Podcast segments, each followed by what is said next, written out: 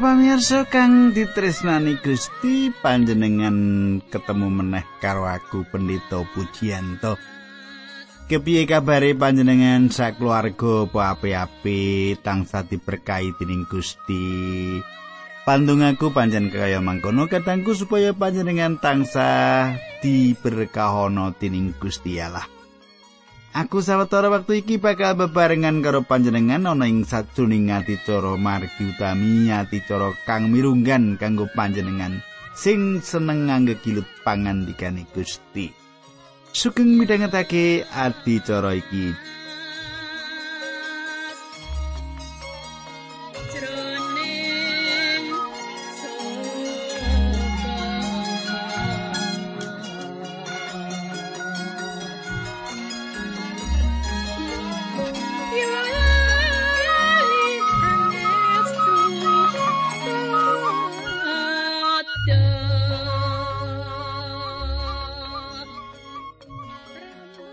Pamiyarsa tak jaluk panjenengan isih kelingan apa sing tak aturake nalika patemon kepungkur. Panjenengan isih kelingan apa sing tak aturake ana ing patemon kita kepungkur? Nalika kita ketemu ana ing kepungkur kita wis nyemak yen Pilatus ora nemokake kaluputan apa-apa ing Gusti Yesus mula dheweke kepingin nguwalake Gusti Yesus. Nanging wong akeh tetep njaluk supaya Gusti Yesus disalib lan Barabas kang dibebasake. Banjur kepriye terus sih? Bakal kita semak ning patemon kita dina iki nanging sadurunge kita terusake, monggo kita ndedonga. Duh Kanjeng Rama ingkang ada dampar wonten kraton ing kasuwargan, ingkang kawula sambat sebuti wonten ing asmanipun Gusti Yesus Kristus. Kawula ngaturaken kuing panuwun menawi wekdal menika kawula saged tetunggilan, kawula saged midhangetaken sabda pangandikan paduka ingkang saged dados kegiatan lan panglipuran wonten ing gesang kawula.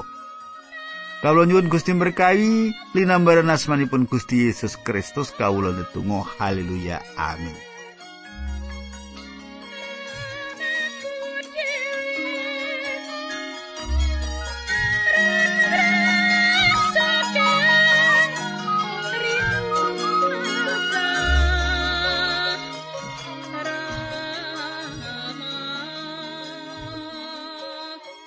Para pamirsa pasinaon kita saiki wis ngancik ing Injil Yohanes 19. Ing sadroning pasal iki kita bakal nyemak sawijining keadilan kang dirusak. Kitab suci ku nggunakake basa pedinan ing dina iki. Mengkene surasani. Gubernur Pilatus nuli dawuh nggawa Gusti Yesus supaya dipetuti.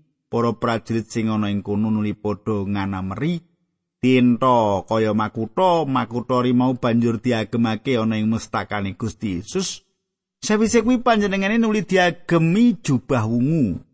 Prajurit-prajurit manuli padha maju ing ngarsane Gusti Yesus karo muni ngaturi sugeng ratunipun tiang Yahudi. Sawise kuwi Gusti Yesus nuli dikamplengi.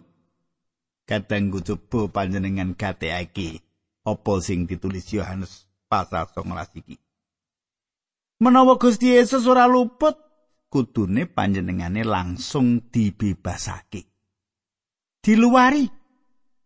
Menawa pancen panjenengane luput atas sapa kang dadi pak ndawane marang panjenengane, panjenengane kudu langsung disalib.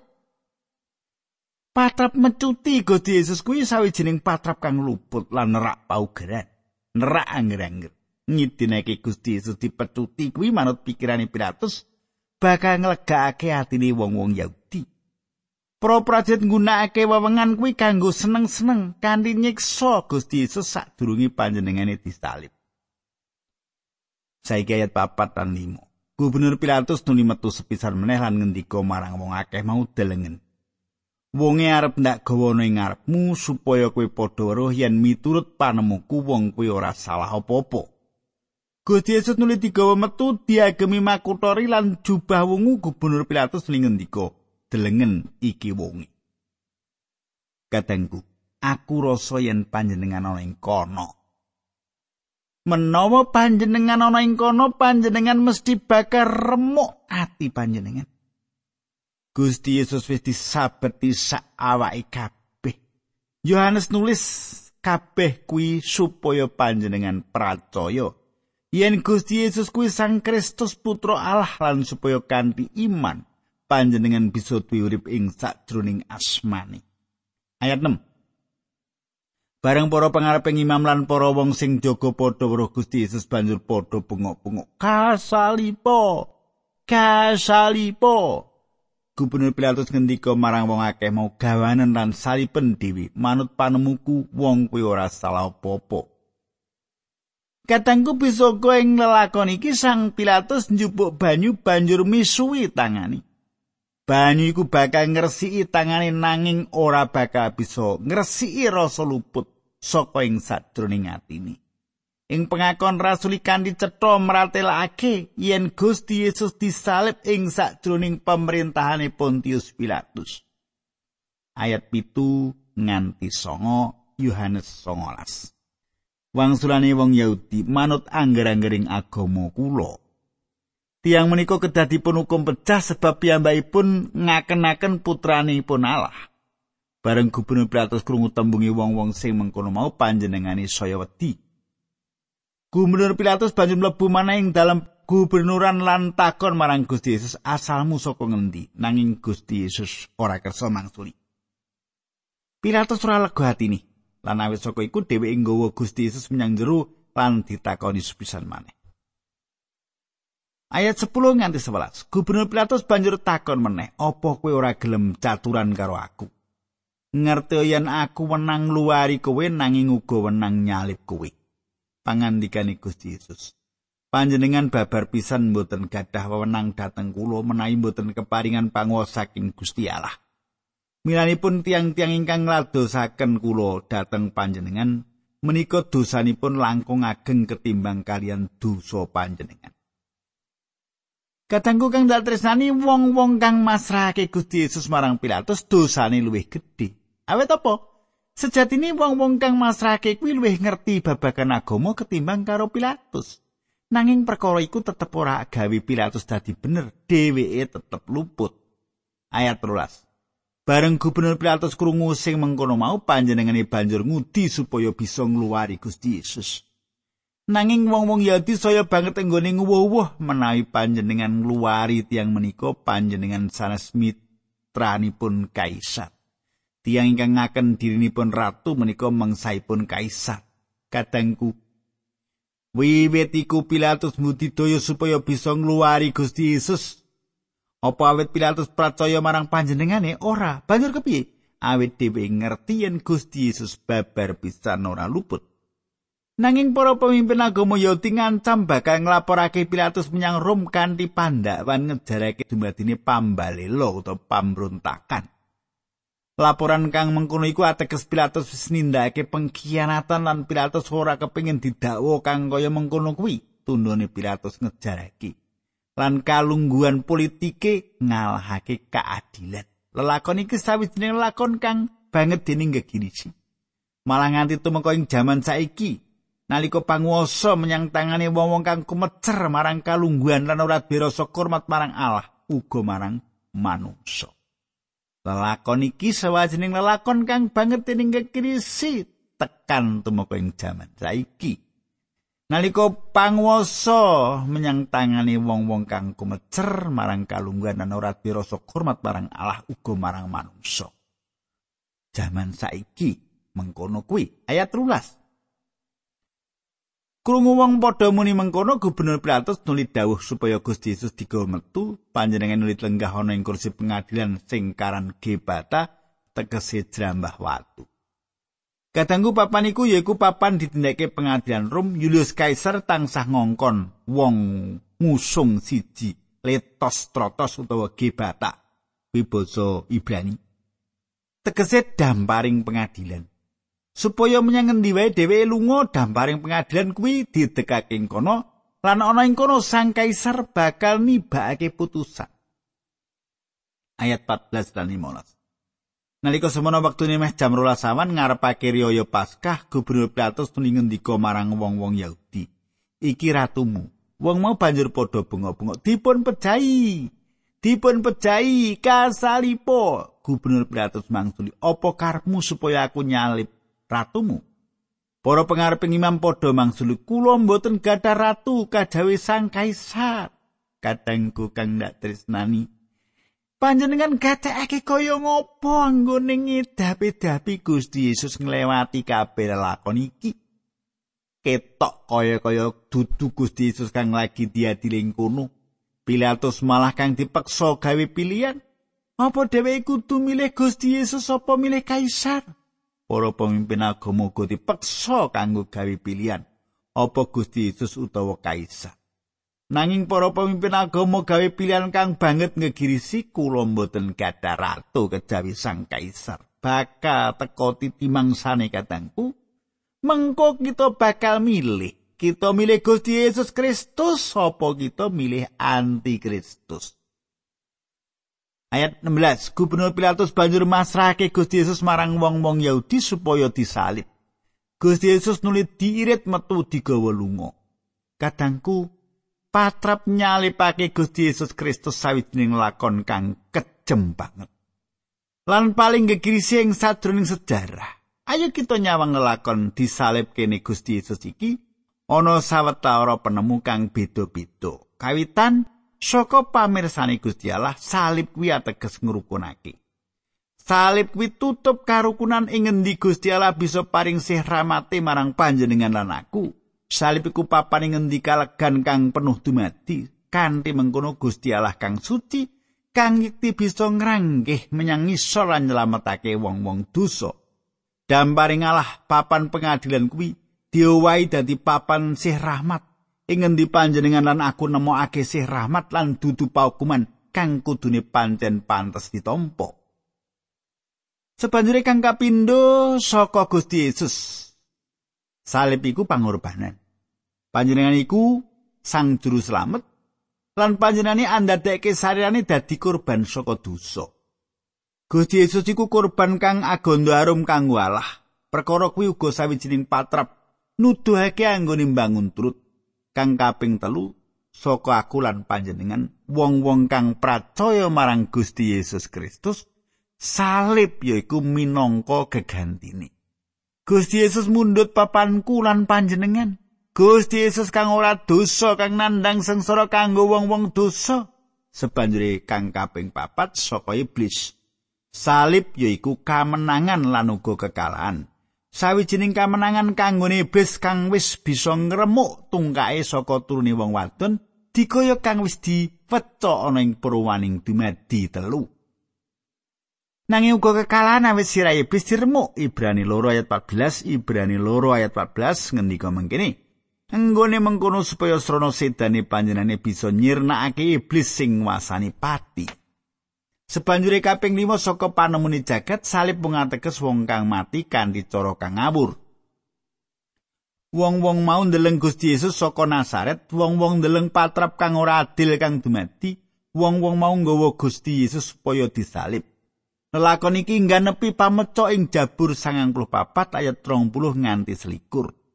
Paduka mboten nunggil kalian hakim ingkang murang susila, ingkang doyongaken pengadilan, ingkang sami sarujuk ndatengaken bilai dateng tiang mursid lan ngukum bejah tiang ingkang boten lepat.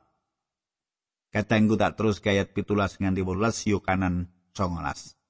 Sawise kuwi Gusti Yesus digawa metu saka daleme gubernur Pilatus karo manggul salipe menyang panggonan singaran Golgota tegese panggonan cumplung. Ana ing kono Gusti Yesus disalib ana wong loro sing uga disalib bareng karo panjenengane sing siji ana ing kiwa siji ana ing tengene Gusti Yesus ana ing tengah Kadangku dikaya Gusti Yesus nganepi pameco kegayutan karo sarirane piyambak panjenengane uga nganepi lambang-lambang kang ana ing sajroning perjanjian lawas korban panyucen dosa kita Gusti Yesus Kristus uga digawa metu saka kutha Bab 19 ayat 19 Gubernur Pilatus wis merintahake supaya ing kayu salibe Gusti Yesus ditulisi Yesus saka Nazaret ratune wong Yahudi. Kadangku panjenengan perlu nyatet perangan-perangan papat Injil iku bebarengan supaya bisa nemokake catatan kang lengkap ing perangan dhuwur kayu salib iku. Ayat 20 nganti 22. Akeh wong Yahudi sing padha maca tulisan kuwi sebab ora adoh saka kutha Tulisan ing kayu salib mau ditulis nganggo basa Ibrani, basa Latin lan basa Yunani. Para pangareping imam bangsa Yahudi ini padha matur marang Gubernur Pilatus sampun dipun serat ratune wong Yahudi. Nanging kasrata wong kuwi kondo aku ratune wong Yahudi, nanging Gubernur Pilatus mangsuli apa sing wis ditulis aja diwai. Katanggu panjenengan kateake.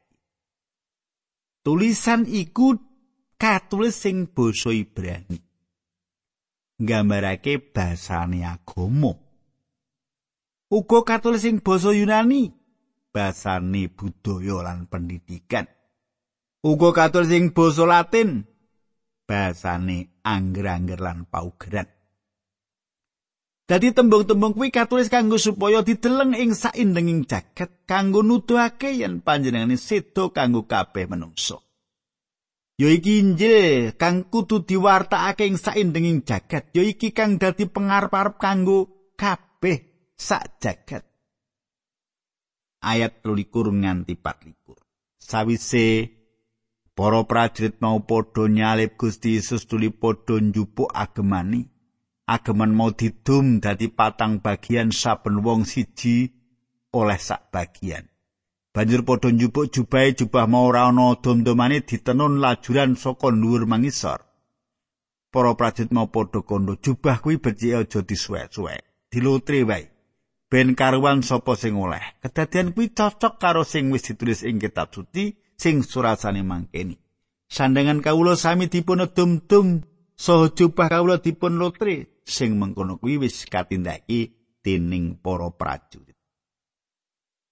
Kadangku kang dak tresnani ana perangan-perangan ning sajroning salib lan patrap nyalip kang kasingidan kanggo kita. Kang kawitan dhewe Gusti Allah ora maringi kita katerangan kang cetha kanggo nglegakake rasa kepengin ngertine kita. Kakaping loro ana perjanjian kang dumadi antarane Sang Rama lan Sang Putra ing kene.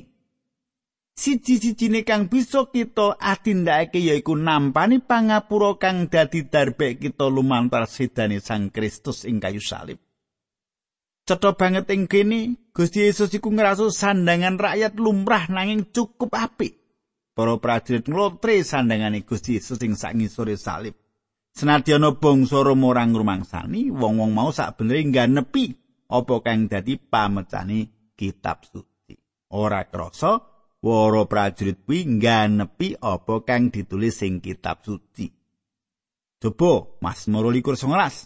Sandangan kawula sami didum-dum sarta pangangi kula dipun undi. Jabur pasar likur ayat 19. Saiki Yohanan bab 19 ayat selawi nganti pitulikur mengkene surasani. Ibune Gusti Yesus lan sedulure wadon yakuwi Maryam bojone Klopas sarta Maryam Magdalena padha ngadeg ana ing sacedhake salibe Gusti Yesus. Panjenengane mirsa ibune lan sekabat sing ditresnani padha ngadeg ana ing kono. Gusti Yesus tuli matur marang ibune, "Ibu menika ingkang putra." Nuli ngendika marang sekabate mau kuwi ibumu. Lan wiwit dina kuwi sekabat memboyong ibune Gusti Yesus ana ing omahe. Kadangku kang tresnani Gusti Yesus nimbali Maryam ibu. Kaya kang dingendikake ing Yohanes loro ing panggonane wong duwe gawe ing kana. Wektune wis tekan panjenengane sedo nanging panjenengane bakal wungu meneh. Gegayutan Gusti Yesus karo ibune bakal pedhot kanggone ibune dikayaka kanggo kita Gusti Yesus bakal dadi Sang Kristus kang diluhurake. Nanging Maryam muga kudu sowan marang Sang Kristus kanthi iman dikaya kabeh wong kang percaya marang panjenengane liyane. Ayat polikur lan telung puluh. Polikur setengah likur telung puluh. Mungkin surasane. Sawise kuwi Gusti Yesus pirsa yen samubarang kabeh saiki wis rampung, Gusti Yesus nuli ngendika supaya kelakon apa sing katulis sing kitab suci, aku ngelak. Ing kono ana mangkok isi anggur sing rasane kecut nuli ana wong sing ngelopake jamur karang ing anggur kecut mau banjur dicublesake ing puting hisop banjur ditempelake ing latine Gusti Yesus. Sawise nyetup anggur kecut mau nuli nguwuh wis rampung, mestakane banjur tumungkul lan sedo. Katangku Yohanes kanthi teliti Gusti nuduhake yen apa kang dikandhakake ing sajroning kitab suci pancen dikanepi. Ana pasal-pasal liyane ing sajroning perjanjian lawas kang pancen nulis bab penyalipan kuwi. Ana 28 pameca kang dikanepi nalika Gusti Yesus munggah ing kayu salib. Aku ngelak. Ya iki panggenepane pameca kang ditulis ing Jabur 9 ayat 21. Wis rampung. Apa kang wis rampung? Panebusan panjenengan lan aku wis rampung. Piye? Wis rampung panebusan sing ditindakake Gusti Yesus kanggo aku lan panjenengan wis rampung. Ayat 31 nalika semono dina jemuah ya kuwi dina pencawisan riyaya Paskah supaya ing dina sabat layon-layon mau aja nganti se tetep ana ing kayu salib. Mulane wong-wong Yahudi padha nyuwun idin marang gubernur Pilatus ngremuk sikile wong-wong sing padha disalib lan ngudunake layon-layon mau saka ing kayu salib.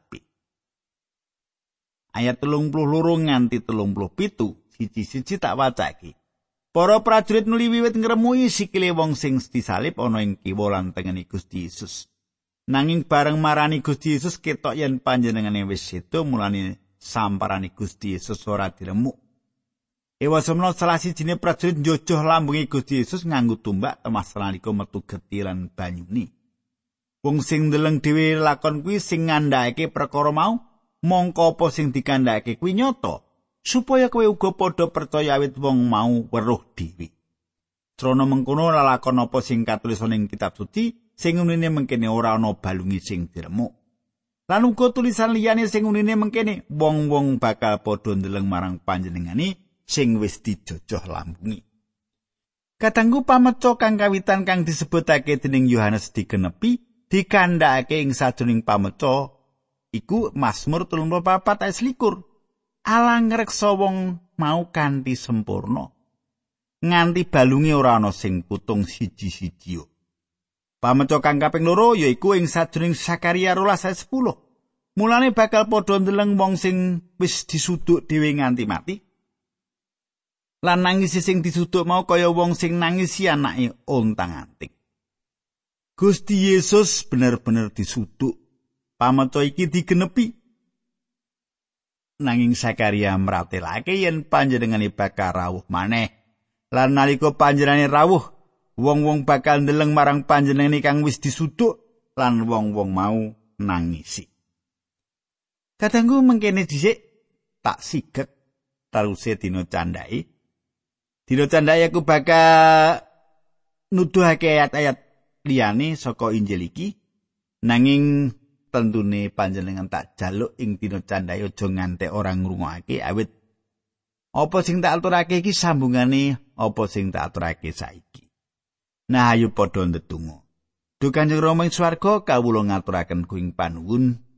Menawi ing dinten menika kawula saged midhangetaken sabda pangandikan Paduka.